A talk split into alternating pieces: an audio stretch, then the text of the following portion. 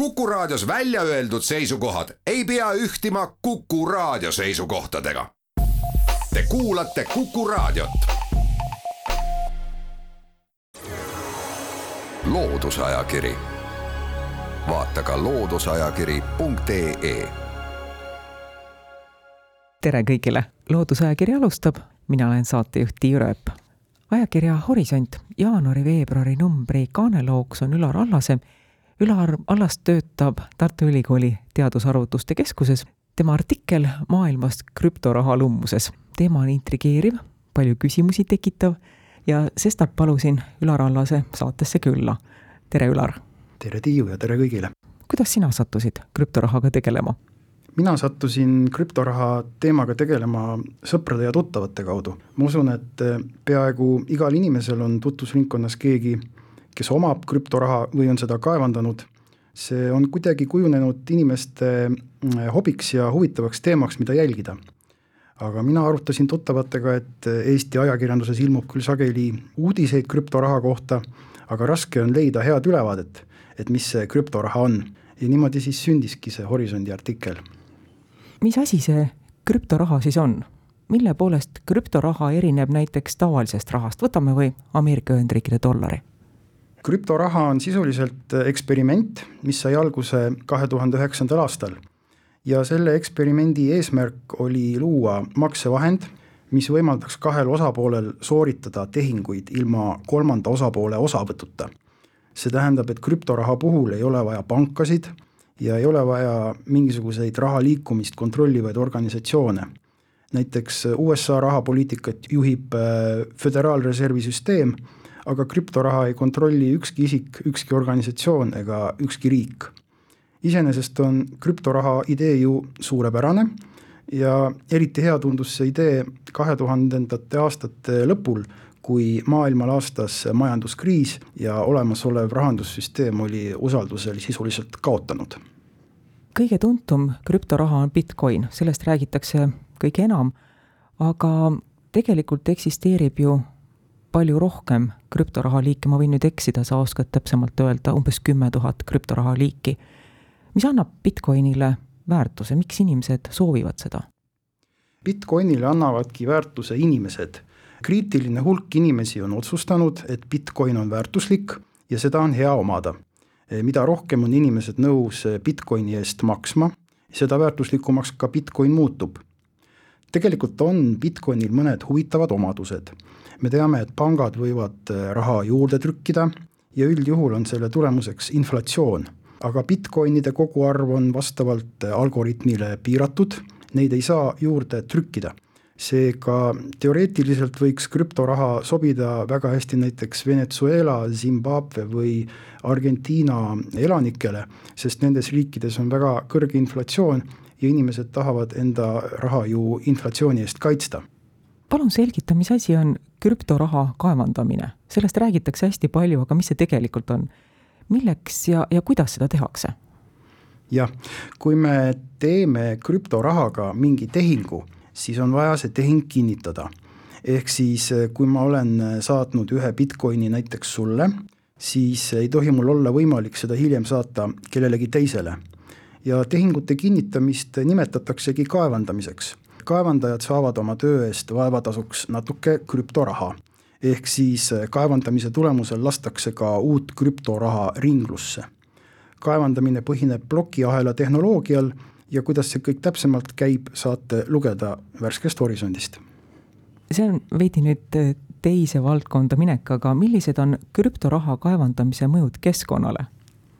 See tegelikult ei ole teise valdkonda minek, ühest küljest ilma kaevandamiseta ei saa krüptoraha jätkusuutlikult eksisteerida, samas äh, kaevandamine nõuab suurtes kogustes arvutusjõudlust ja seega kulutab palju elektrienergiat. Bitcoini kaevandamine nõuab aastas umbes sama palju elektrit, nagu kulutab terve Norra riik. aga Bitcoin ei ole ju ainus krüptoraha, seega tegelik kaevandamisele kuluv energiakogus on mitu korda suurem kaevandamise süsiniku jalajälg on samuti suurem kui nii mõnelgi riigil, sest äh, elektri tootmiseks kasutatakse ju valdavalt fossiilsete kütuste põletamist.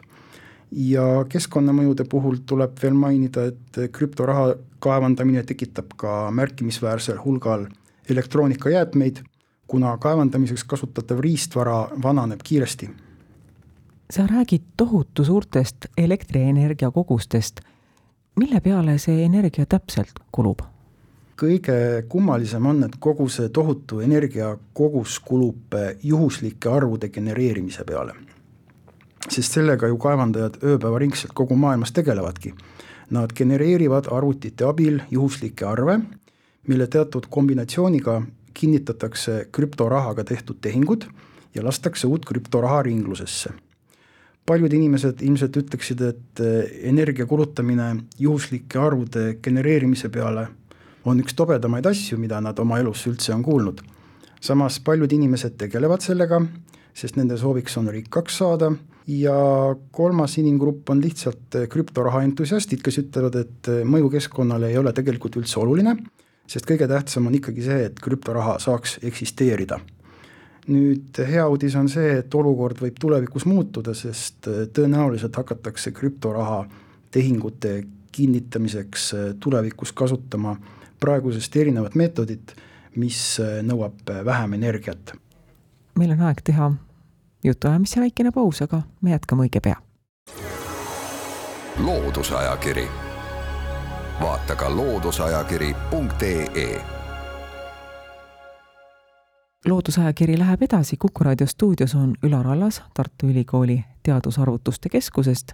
saatejuht on Tiia Rööp ja tänaseks saate teemaks on krüptoraha, sel samal teemal läheb meie jutuajamine ka edasi. miks Hiinas kus mõni aeg tagasi kõige agaramalt Bitcoine kaevandati, on täna Bitcoin illegaalne? jaa, Hiinas oli kaevandamine odav, sest seal riik subsideerib elektri hinda. Aga tõesti, Hiina keelustas kaevandamise ja krüptorahaga tehtavad tehingud möödunud aasta septembris. Hiina põhjendas oma otsust sellega, et nad soovivad ohjeldada finantskuritegevust ja vältida majanduslikku ebastabiilsust asja tuum on selles, et Hiina kodanik tohib äh, välisvaluutaga sooritada tehinguid üksnes teatud summa eest. aga krüptoraha võimaldas riiklikest piirangutest mööda hiilida, välismaal varasid osta ja seeläbi suurenes Hiinast kapitali väljavoolamine. ja raha on ju nagu riigi vereringe, kui raha valgub riigist välja, siis see on nagu veri voolaks kehast välja. seega krüptoraha keelustati Hiinas eelkõige riigi majanduse huvides ja lisaks äh, oli ka siis mõningane mure keskkonna saastamise pärast, sest ka Hiina tahab tulevikus üle minna süsinikuneutraalsusele. Praeguseks on krüptoraha veel keelustatud umbes kümnes riigis, näiteks Egiptuses, Iraagis, Marokos ja ka Venemaal on selline plaan tegelikult äh, olemas. kui nüüd nende riikide arv veel peaks kasvama, siis see muidugi ei ole krüptoraha entusiastide jaoks äh, üldse hea uudis kuid mõnes riigis on Bitcoin täiesti ametlik valuuta. jaa, näiteks El Salvadoris on Bitcoin äh, ametlikult käibel olev valuuta.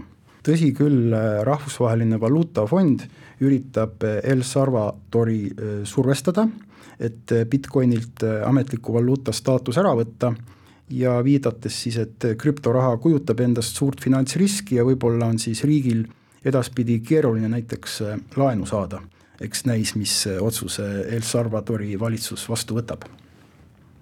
mis riigis või mis riikides praegu kõige enam Bitcoini kaevandamisega tegeletakse? Ja Hiina on nüüd ära kukkunud ja praegu toimub kõige hoogsam kaevandamine USA-s ja Venemaal, samuti Kasahstanis. Kasahstan on jälle hea näide selle kohta, et krüptoraha üritab küll olla sõltumatu, aga ometigi poliitilised olukorrad võivad seda sõltumatust mõjutada näiteks hiljuti toimusid Kasahstanis rahutused, krüptoraha kaevandajatel kadus seetõttu internetiühendus ja krüptorahade kursid langesid selle peale päris kiiresti, päris suurel määral. kas sina soovitad Bitcoini investeerida? see on väga hea küsimus, üldiselt äh, soovitatakse ju investeerimise peale mõelda alles siis, kui inimesel on pangaarvel vähemalt äh, kolmeks kuuks elamiseks vajalik raha ma kardan, et selliseid inimesi on Eestis üsna vähe, aga ma olen tegelikult veendunud, et krüptoraha puhul ei saa üldse rääkida investeerimisest. Pigem on tegemist spekuleerimisega. kui inimesed tahavad krüptoraha osta, siis selle hind tõuseb ja vastupidi. kui Elon Musk ütleb, et Bitcoin on lahe või ei ole lahe, siis hind kohe vastavalt tõuseb või langeb. krüptoraha kurss on väga-väga kõikuv. too mingi konkreetsem näide. hästi, ma toon sellise näite kui ma oleksin eelmisel suvel juulikuus ostnud kümne tuhande euro eest Bitcoine siis järgmise nelja kuuga ma oleksin teeninud kasumit kaksteist tuhat eurot. see tähendab, et ma oleksin teeninud iga kuu kolm tuhat eurot.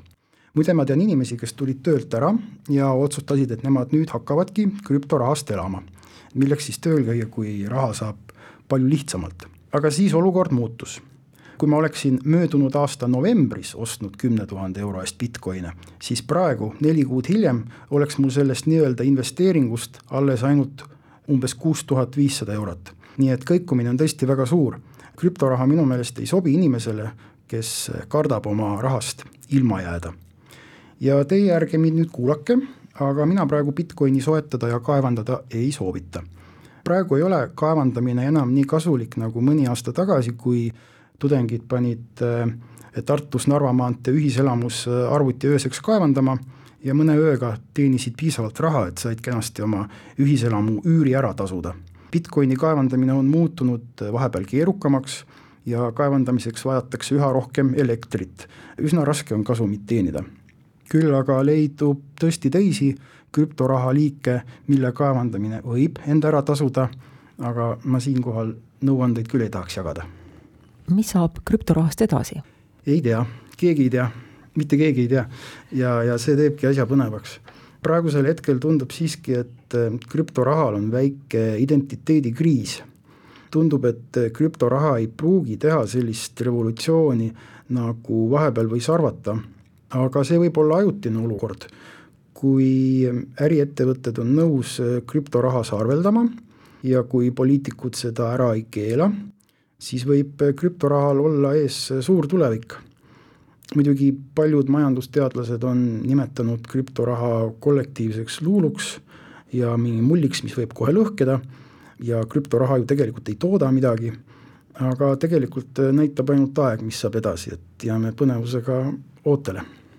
Meie eesmärgiks ei olnud ajakirjas Horisont ilmunud artikli ümberrääkimine, seega kellel on soov teada saada, millal ilmus esimene krüptoraha liik või mis aastal sooritati esimesed krüptoraha tehingud või kuidas toimib krüptoraha nii-öelda vundament, plokiahel või milline on olnud ajaloo seni suurim krüptoraha vargus. sellest saab lugeda ajakirja Horisont värskest numbrist. aitäh, Ülar Allas, saatesse tulemast, suur tänu jutuajamise eest! suur aitäh kutsumast, Tiiu, olen alati hea meelega valmis tulema sinu saatesse juttu rääkima.